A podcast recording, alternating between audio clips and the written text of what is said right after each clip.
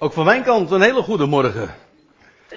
Dames en heren, beste vrienden, jongens en meisjes, broeders en zusters. Nou, en daarmee heb ik iedereen ongeveer wel aangesproken, lijkt mij. We gaan vanmorgen eens onze hersentjes laten kraken. Door een vraag te stellen die je misschien niet zo gewend bent te stellen, omdat het behoort misschien wel tot bepaalde, een bepaalde vanzelfsprekendheid. En u weet het, over vanzelfsprekendheden, daar stel je geen vragen over, daar is het vanzelfsprekend voor. En dat gaan wij juist vanmorgen wel eens doen. Want zo vanzelfsprekend als het meestal gebracht wordt, is het helemaal niet. En we gaan het vooral ook eens de vraag die u hier geprojecteerd ziet op de beide schermen eens onder ogen zien. Werd op het kruis van Golgotha, waar we zojuist trouwens ook over gelezen hebben, werd op het kruis onze schuld betaald. Wat denkt u? Wie zegt? Ja, ik geef toe, de vraagstelling is al wat suggestief, dus. Maar goed, ik ga het toch eens even proberen. Wat denkt u? Wie zegt ja? Ik geef toe, ik heb het niet zo slim ingepland allemaal. Ik, ik, denk dat als ik het anders had gebracht, dat er meer vingers omhoog zouden zijn gegaan. U durfde natuurlijk al niet meer.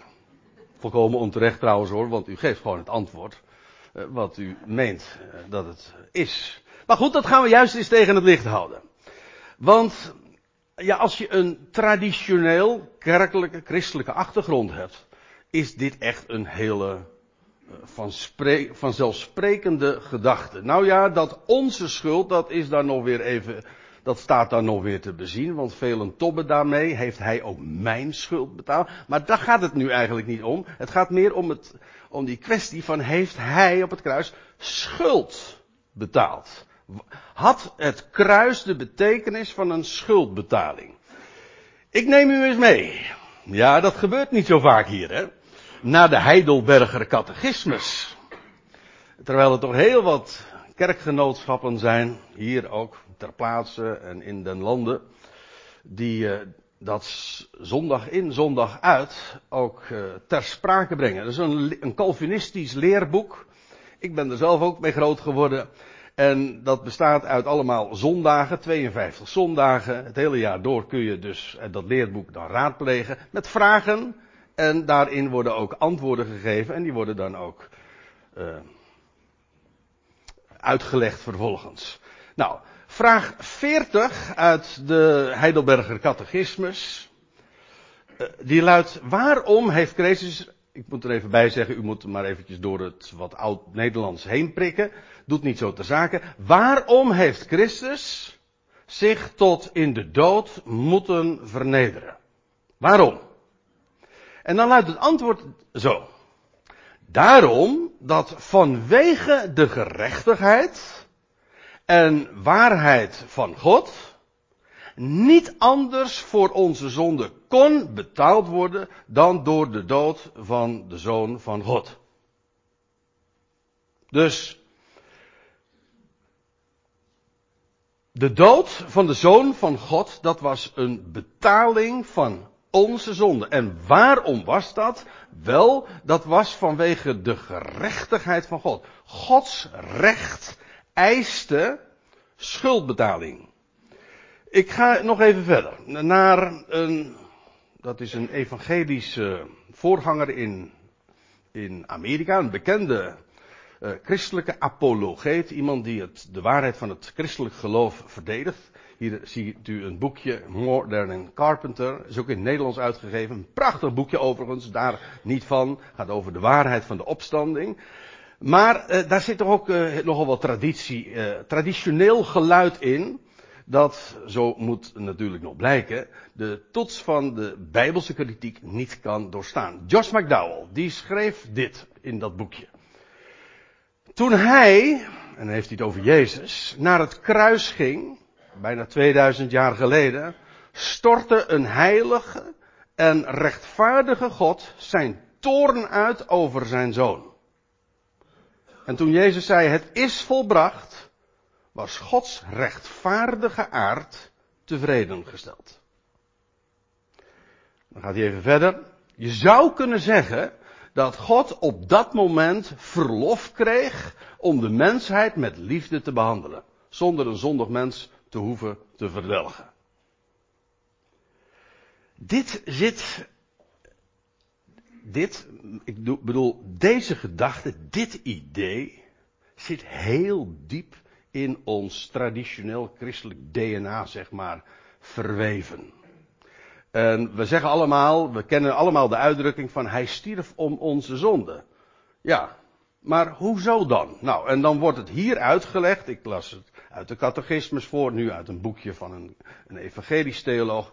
Het is zo algemeen, uh, zo wordt daarover gedacht, als de betekenis van het kruis wordt uitgelegd. Jezus moest sterven, waarom? Wij hadden schuld. De mens was schuldig.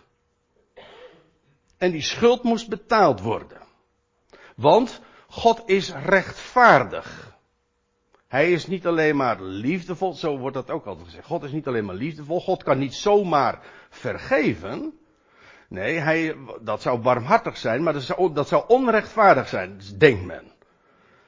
En zijn gerechtigheid eiste een vergoeding, een genoegdoening. Men spreekt dan ook in de theologie over verzoening door voldoening. Die, die term vindt u niet in de schrift, maar aan Gods recht moest voldaan worden. En wat men dan zegt is, aan het kruis werd de schuld betaald. De schuld die de mensheid, de wereld niet kon betalen, heeft hij plaatsvervangend, is ook een heel belangrijke term, vind je trouwens ook niet zo in de schrift. Plaatsvervangend heeft hij die schuld betaald. Je zou natuurlijk meteen al de vraag kunnen stellen hierover. Waar is dan de vergeving? Want stel je voor. U bent mij 100 euro schuldig. U, kan dat niet betalen. Nou is uw buurman een hele aardige man en bovendien die heeft toch genoeg. Die komt naar mij toe en zegt, jong, jij hoeft het niet te betalen, uh, hij hoeft het niet te betalen, ik doe dat voor hem. He, dan is de schuld betaald. Hoef ik dan, dus moet ik dan nog de schuld vergeven aan die persoon? Nee toch? Dus is er toch geen sprake. Als u mij schuldig bent en een ander betaalt voor mij. Uh, uh, sorry, dan moet ik goed zeggen. En een ander betaalt voor u. Dan hoef ik toch niks meer te vergeven, want dan heb ik gekregen. Dus er is dan feitelijk helemaal geen sprake meer van vergeving. Er is de schuld is dan betaald. En het hele begrip vergeving is leeg geworden. Zo, zo werkt dat ook niet. Hè? Je kunt niet, uh, ja, hoe lees je dat in de Bijbel? Het is het, een bekende strofe in het uh, Onze Vader. Dat luidt dan, vergeef ons onze schulden, gelijk wij ook vergeven onze schuldenaren. Doen wij dat zo? Stel je voor, uh, je kind die heeft uh, iets misdaan. En daar zou het voor gestraft moeten worden. Ja, je zegt, ja, ik ben rechtvaardig. Ik, ik moet je straffen. Ik kan niet zomaar zeggen van, zand erover.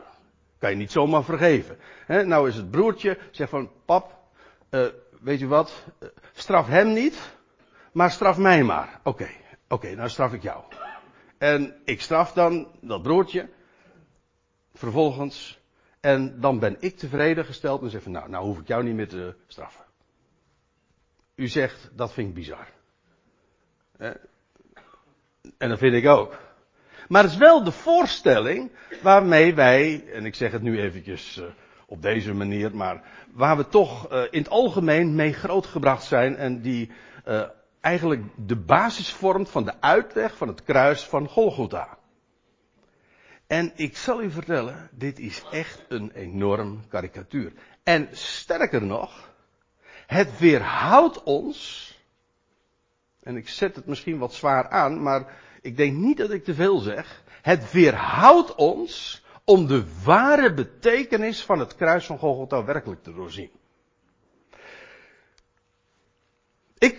Ik, wil eens een aantal uh, misvattingen daarover uh, op een rijtje zetten. En dan komen we vanzelf wel uit bij dat schriftgedeelte wat we zojuist ook met elkaar hebben gelezen.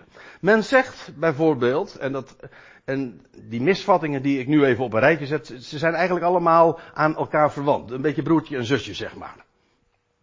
Men zegt dan, Jezus droeg aan het kruis Gods straf. En men ontleent dat uh, aan Jesaja 53.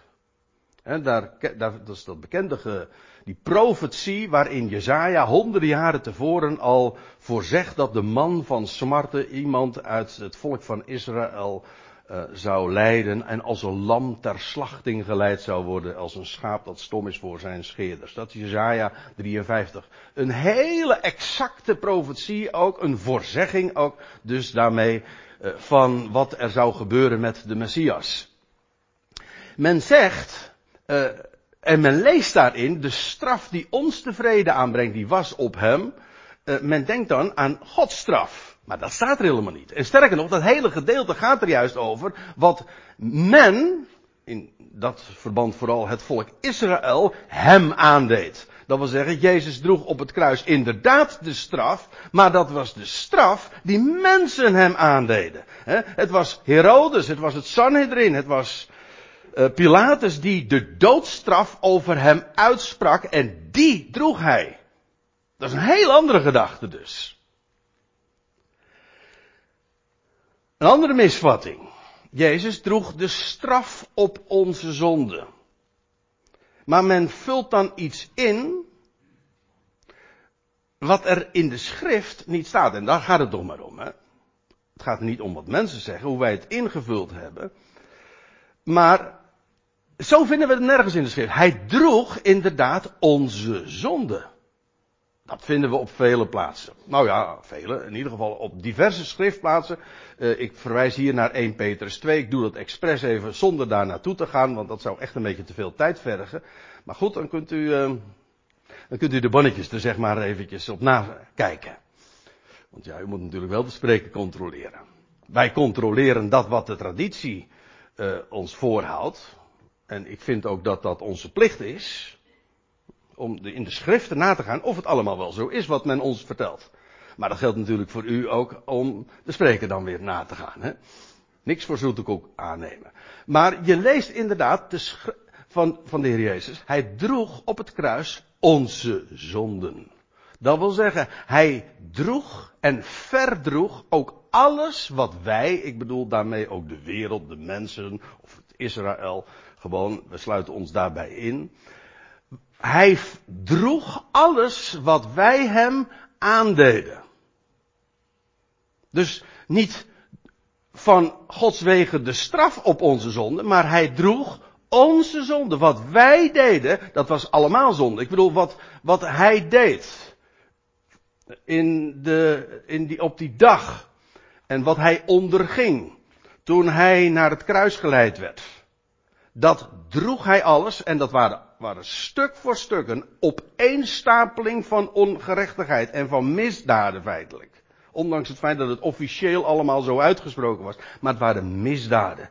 De zoon van God, die werd gekruisigd. Dat is de grootste zonde, of de grootste opeenstapeling van zonde die eigenlijk ooit in de wereldgeschiedenis heeft plaatsgevonden. Het beste wat God gaf en wat heeft de mensheid gedaan, aan het kruis genageld.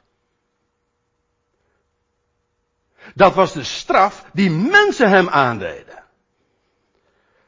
En daarmee droeg hij onze zonde.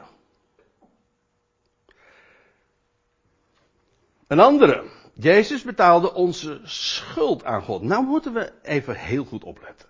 Want het hele idee van betaling en een prijs, dat is op zich heel bijbels. Maar dan moet je even, even goed opletten. Ik zei al, we laten onze hersentjes vanmorgen kraken. We hebben ze niet voor niks gekregen, per slotverrekening. Wat we lezen in de schrift, op meer dan één plaats, Ik verwijs hier naar 1 Timotheus 2, waar we lezen dat er is één God, een middelaar van God en mensen, die zichzelf gegeven heeft tot een losprijs voor allen. Nou, we hebben het nu even niet over de rijkwijden van die verzoening en die prijs. Daar gaat het nu even niet om. Het gaat nu even om de aard van die prijs. Welke prijs betaalde hij dan? Nou zegt men, onze schuld aan God. Nee, hij betaalde de losprijs. En dat is een heel groot verschil. Nou, u denkt misschien van, nou, André, je zit nu wel op alle, uh, alle slakken een korreltje zout te leggen. Nee, nee, nee, nee, nee. Dit is echt een heel groot verschil. Want, als hij de schuld betaalde, dan betaalde hij de prijs aan God. Toch? Als dat de gedachte was. Maar bij een losprijs is juist de gedachte dat hij stierf, namelijk om ons te verlossen. De, een losprijs wordt betaald aan degene die gevangen houdt, toch? Als u gevangen bent, en, of laten we anders zeggen, als je, als je gekidnapt wordt hè, en de, de, de, de kapers, die, de, de kidnappers, die, die vragen een losprijs. En als die losprijs dan betaald is, aan de kidnappers, die dan besluiten zij vervolgens je vrij te laten. Maar wij waren niet gevangen in, uh, door God. Integendeel, God bevrijdde ons juist voor hem. Dus de, in het geval van die losprijs is de gedachte dat de prijs betaald werd, namelijk aan degene die ons gevangen hield. En nou zou je daarover uh, nog uh, nog doorvraag kunnen vragen. Dat doen we nu even niet. Want dat zou echt een beetje te ver voeren. Maar de gedachte is dan vooral dat hij de prijs betaalde aan de dood. Dat wordt dan gepersonificeerd, voorgesteld. Eigenlijk is het, je praat hoe dan ook toch over een metafoor. Hè? Over een betaling, of, of dat nou een losprijs of een schuldbetaling is. Het is een metafoor, het is een vergelijking. Maar dan moet je het wel zuiver doen. Kijk, wij waren allemaal sterf, wij waren, wij zijn stervelingen gevangen in de dood. En daarmee ook de zonde. En wat de Heer Jezus deed, hij stierf. Hij betaalde daarmee een prijs aan de dood. Hoezo? Nou, om daardoor de dood te kunnen overwinnen. Alleen door te sterven, dat was de prijs die hij betaalde. Door te sterven. Kon hij de dood overwinnen en daarmee dus leven aan het licht brengen. En dat aan alle geven. Daarmee betaalde hij de losprijs. Zijn sterven was een losprijs om ons vrij te kopen. En ja, nou komen we bij nog een andere misvatting die daar ook direct aan verwant is. En dat men zegt, ja maar God, en dit is, wordt wel heel macaber hoor. God eist bloedstorting. Waarom? Om te kunnen vergeven. Nou wil ik niet zo ver gaan dat men daarbij het idee heeft van een vampier die alleen maar uh, pas tevreden is als die bloed zit. Dan is de, zo wil ik het karikatuur niet maken. Maar dit is echt niet zoals de schrift het voorstelt. Men baseert dit trouwens wel op een bijbelwoord. Daarom wil ik het ook gezegd hebben en, en eh, vermelden in, in, in dit verhaal. Kijk, er staat in Hebreeën 9, in Hebreeën daar worden de, de offers uh, uitgelegd en, en dat, de priesterdienst enzovoort. En dan staat er zo tussen de regels door, zonder of buiten bloedstorting om, geschiet er geen vergeving. Hebreeën 9 vers 22. En wat men dan zegt is van zie je wel, God moet eerst bloed zien, er moest schuld betaald worden, anders kan er geen vergeving plaatsvinden. Dit, dit, vers uh, speelt daarbij eigenlijk een grote sleutelrol. Maar ook hier moet ik zeggen, dit is een omkering van hoe het werkelijk zit. Want in werkelijkheid is het zo, God bewijst door bloedstorting vergeving. Het is niet zo van dat hij bloedstorting eist om te kunnen vergeven. Nee, door de bloedstorting, bedoel door het kruis of door het sterven van de Heer Jezus, bewijst God hoe ver zijn vergeving reikt. Zelfs al slaan ze zijn zoon aan het, aan het kruis, dan nog is hij één en al vergevende liefde. Die bloedstorting bewijst zijn liefde en daarmee ook zijn vergeving. He, toen, dus een, ja, daar, daar, moet je dan ogenblikkelijk ook aan denken, aan wat er toen plaatsvond op die dag, op die 14e Nisan, die dag dat het lam geslacht werd. Toen Jezus aan het kruis genageld werd, toen, we weten allemaal, toen had, was er een gebed op zijn lippen. De woorden van Psalm 22, maar je leest ook dat hij zegt, Vader, vergeef het hun. Want zij weten niet wat ze doen. Terwijl zijn bloed gestort werd, later ook letterlijk, toen die speer in zijn zijde gestoken werd, maar toen zijn bloed gestort werd, dat was het grootste onrecht wat hij toen droeg. Het grootste onrecht wat hem aangedaan kon worden. En hij zei, vergeef het hun vader. Want ze weten, zij weten niet wat ze doen. Hoezo dat God dat eiste en dat hij daarmee de schuld betaald werd. De schuld van de mensheid werd juist verhoogd. Ongekend. Er is nooit, is de, de mensheid zo schuldig geweest dan toen zij het grootste onrecht pleegde, namelijk door de Zoon van God aan het kruis te nagelen. En toen heeft God vervuld wat Jezus bad. Hij vergaf het hen. Hoe ver gaat Gods vergeving? Dan moet je kijken naar het kruis van Golgotha. Hoe lief heeft God deze wereld? Het kruis bewijst het. Niet een, een eisende God, maar een gevende en daarmee ook een vergevende God. Ziet u een totaal andere gedachte? En ja, dat brengt ons ook bij natuurlijk de, de, de betekenis van de offerdienst in het algemeen. Daar werden, ik bedoel de offerdienst, zoals dat in de wet van Mozes al was voorgeschreven in allerlei details. Maar dat is allemaal profetisch. Ik bedoel, daar was een dier. En dat moest een gaaf dier zijn. Een onschuldig dier, uiteraard. Een gaaf dier. En dat werd dan vervolgens geslacht. Maar feitelijk is dat on onrecht, toch? Als je een gaaf dier slacht. Ja, dat was trouwens ook niet het offer hoor. Dat wordt heel vaak gedacht. Nee, het slachten van dat dier was niet het offer. Dat ging vooraf aan het offer. Eerst werd het geslacht, feitelijk zonde. Vervolgens, na de slachting, kwam het op het altaar, werd het verhoogd en steeg het op. Gegoden, staat er dan altijd, tot een lieflijke reuk. Kijk, en dat is de opstanding. Profetisch bedoel ik dat. Het offer van de Heer Jezus Christus is zijn opstanding uit de doden. Hij stierf. Dat was de zonde bij uitstek. Toen werd hij tot zonde gemaakt. We hebben het zojuist ook gelezen in 2 Korinthe 5. Dat was de zonde die de mensheid hem aandeed en God liet het gebeuren.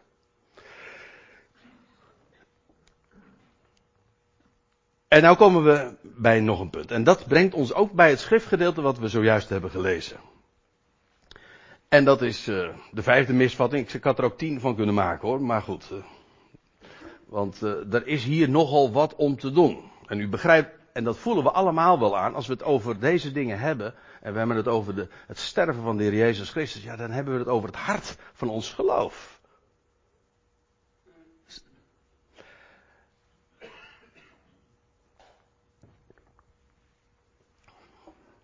Nou moeten we ook weer eventjes heel goed opletten.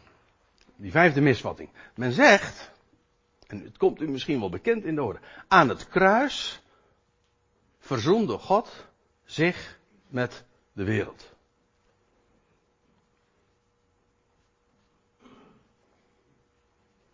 Nee, nee, nee. Dat, zo leest men dat. Of nou, zo leest men, nee, zo leest men het. Zo verstaat men het. Men leest het nergens. Het staat namelijk nergens in de schrift. Weet u wat, er, wat de schrift zegt?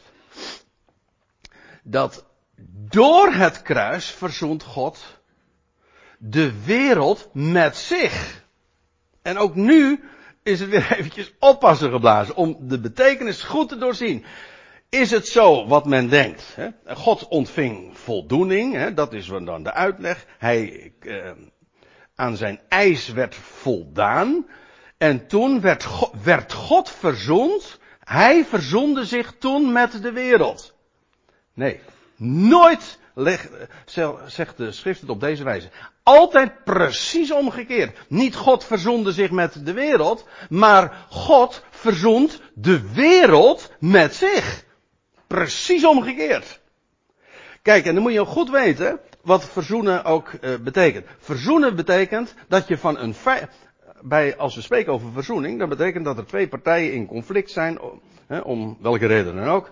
Er is conflict, er is vijandschap of vervreemding. En die partijen, als er verzoening, van verzoening sprake is, dan worden ze uh, weer één. Dan worden vijanden vrienden of liefhebbers. Dat is verzoening. Maar de Bijbelse waarheid is niet dat God vijandig was en God uh, eiste voldoening. Nee, de waarheid is, God, kijk, God was nooit vijandig. God houdt van zijn schepping. Onvoorwaardelijk. Waarom? Het is zijn schepping. Het is zijn wereld. Het is werk van zijn handen. God wordt nooit als een vijand voorgesteld. En we lezen ook nergens dat God zich verzonde. Nooit. God verzond de wereld met zich. Waarom? Omdat de wereld vijandig is. Dat weten we allemaal.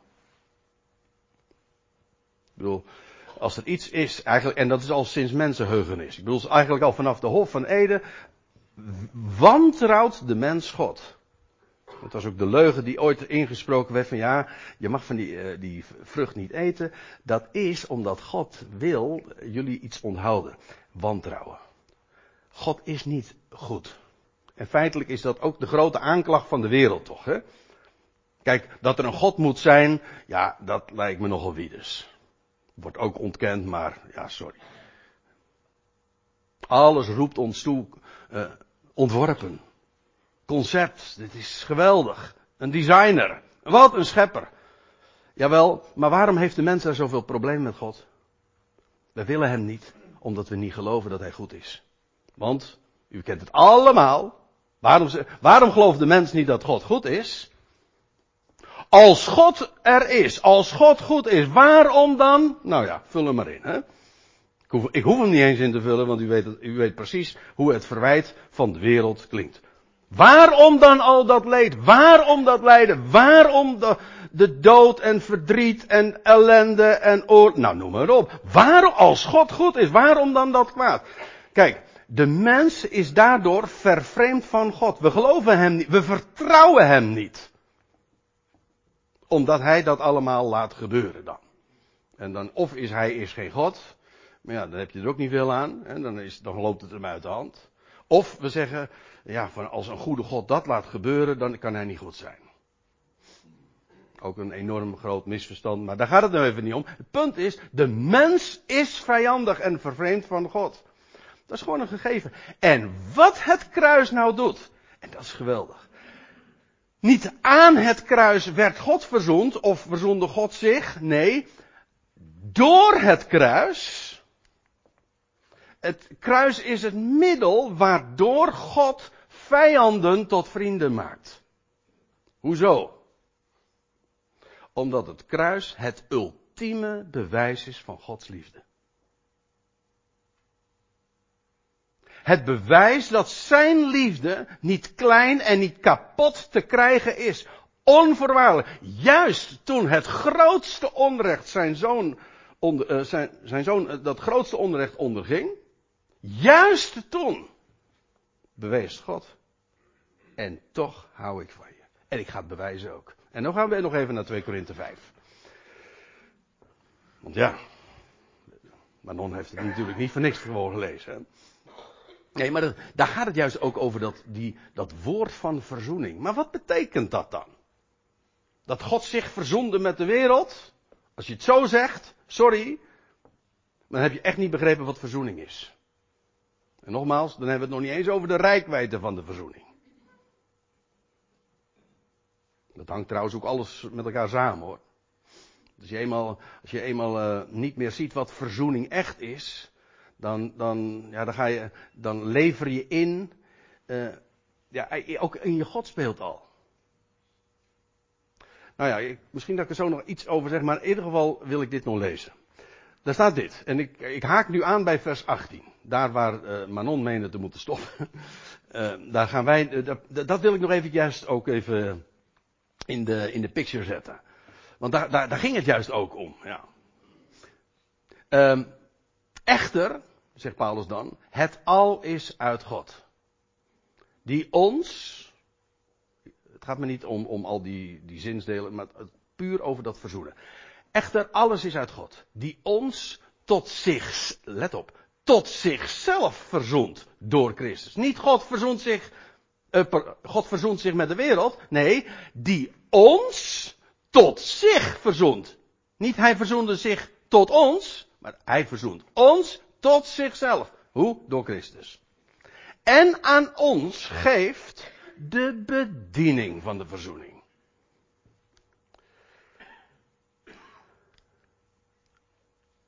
En dan vervolgt Paulus, dat is een wat letterlijke weergave van de tekst, dus het komt niet helemaal overeen met uw MBG of Statenverdaling. Hoe dat God, wat, want de vraag is dus, wat is die bediening van die verzoening? Nou, uh, hoe dat God in Christus de wereld met zich verzoenende was. Niet zich met de wereld verzoende, maar hoe God in Christus de wereld met zich verzoenende was. Dat is een activiteit die gaande is. Ziet u? En nog steeds gaande is. Zolang, laat ik het zo zeggen. Zolang er ook nog maar één vijand in de hele schepping is, is de verzoening niet compleet. En ik zal u vertellen, God gaat zijn werk afmaken. Hij gaat de wereld met zich verzoenen. Hoe? Door het kruis. Of in Christus, door Christus. Hoe dat God in Christus de wereld met zich verzoenende was. Zelfs het grootste onrecht kon God niet in zijn liefde weerhouden. En juist dat, dat kruis bewijst zijn liefde. En dat bewijs van zijn liefde, dat maakt of dat zal elk schepsel uiteindelijk, de wereld, de kosmos, want dat is het woord wat hier gebruikt wordt, uh, tot vrienden maken. En vervreemde en vijandige schepselen worden tot liefhebbers van hem gemaakt. En dat doet God. Let op, God verzoent. Niet wij verzoenen. Er staat niet dat wij ons met God hebben verzoend. Nee, dat staat er niet. God verzoent. Dat is het mooie. Dat is het geweldige van de Bijbelse boodschap. Dat is een bericht. Dat is een mededeling. God verzond. Niet hij verzoent zich met de wereld. Nee, hij verzond de wereld met zich. En het bewijs, dat is het kruis van Golgotha. Er staat hier ook bij, hè. Hoe dat God in Christus de wereld met zich verzoenende was. En de misstappen, de krenkingen, overtredingen, zegt de MBG-verdaling, niet toerekenend. Hij, wat zegt men altijd over dat kruis? Ja, daar werd in feite de rekening van God aan Christus gepresenteerd. Hier staat precies het tegenovergestelde. De misstappen van de mensheid en van de wereld rekende hij juist niet aan en niet toe. En ik zal u vertellen, hij heeft een bewijs geleverd. Dat God het grootste onrecht dat de wereld begaan heeft, de wereld niet toerekent, dat, is, dat werd geleverd toen drie dagen later. Toen eh, de steen werd weggewenteld en God zijn zoon opwekte. Waarom is dat een bewijs? Omdat hij die zoon opwekte om aan diezelfde wereld, die zijn zoon drie dagen eerder vermoordde, het leven te geven. Want dat is wat de schrift zegt. Door zijn opstanding zal heel de mensheid het leven ontvangen. En daarmee bewees God dat zelfs de grootste zonde zijn liefde niet weerhoudt. Integendeel, het ultieme bewijs is van zijn liefde. En zo verzond God de hele wereld. Als je eenmaal weet wat God in zijn hart heeft en voornemens is. Dat God deze wereld gaat redden. Juist door hem die de wereld vermoordde. Dan weet je meteen, als je dat werkelijk ziet, God houdt van zijn schepping. onvoorwaardelijk. En ook, het is niet door welke daad dan ook te verliezen. Geweldig toch, dat we zo'n God hebben. Er staat nog bij, um, en hij plaatste in ons het woord van de verzoening. Er staat ten behoeve van Christus dan. Zijn wij ambassadeurs. Dat is mooi hè, zoals Paulus dat zegt. Gezanten zegt de MBG daar. Maar dat is eigenlijk een ambassadeur. Wij zijn ambassadeurs van God. Waarom? Nou, ons is een woord toevertrouwd. Hij heeft een woord in ons geplaatst. En wat vertellen wij tegen de wereld? Dat God gerechtigheid eiste. En dat zijn toren gestild moest worden. Of dat eerst de schuld betaald moest worden omdat hij anders niet kon vergeven. Dan hebben we een karikatuur van het kruis gemaakt. Hij plaatste in ons het woord van de verzoening. En nu zijn wij Gods ambassadeurs. Alsof God door, onze, uh, door ons oproept. Wij smeken ten behoeve van Christus. Word verzoend met God. Word verzoend met God. En wij wijzen op het kruis van Golgotha. Wat de wereld daar deed met de Zoon van God, zoals voorzegd was overigens. Natuurlijk, dat is belangrijk. Wat de wereld deed met Gods Zoon. En hoe God dat niet aanrekende en toerekende, maar juist drie dagen later zijn zoon opwekte en zegt, door hem ga ik deze wereld redden. En zelfs de moord op de zoon kan mij daar niet van weerhouden. Ik moet dan meteen denken aan, een, ja, aan allerlei bijbelse geschiedenis, met name die van Jozef. U weet wel, hè? Zijn broers, die hadden hem in de, in de gevangenis, nou ja, eerst in de, in de put gegooid. Ze waren van hem af. En wat gebeurde er? Nou, u kent het verhaal. Uiteindelijk, uiteindelijk komt Jozef op de troon. De broers wisten daar niks van. En buigen zich later, jaren later, voor hem neer. En wat doet, en wat doet Jozef dan aan zijn broers? Hij geeft ze, hij geeft ze graan. In de hongersnood. Terwijl ze anders dat al de dood gegaan van de honger. Hij geeft ze leven. Kijk, dat is verzoening. Zij hadden hun broer vermoord. In ieder geval vader Jacob dacht dat zo. En hun broer, die zegt, ik ben Jozef. En hij gaf hem te eten en hij gaf hem leven. Nou, dat is precies de een plaatje van de ware Jozef. Zo verzoent God de wereld met zich. Dus laat alle stemmen alstublieft verstommen die zeggen dat God toren daar gestild werd. Oh, het is een karikatuur. Zeg dat niet. Het is juist God verzoent de wereld met zich. En dat is een compleet, uh, een compleet andere kant en een compleet andere benadering dan zoals de traditie ons dat voorhoudt. En ik heb u ik hoop dat ik dat in ieder geval vanmorgen een klein beetje aan u heb duidelijk mogen maken.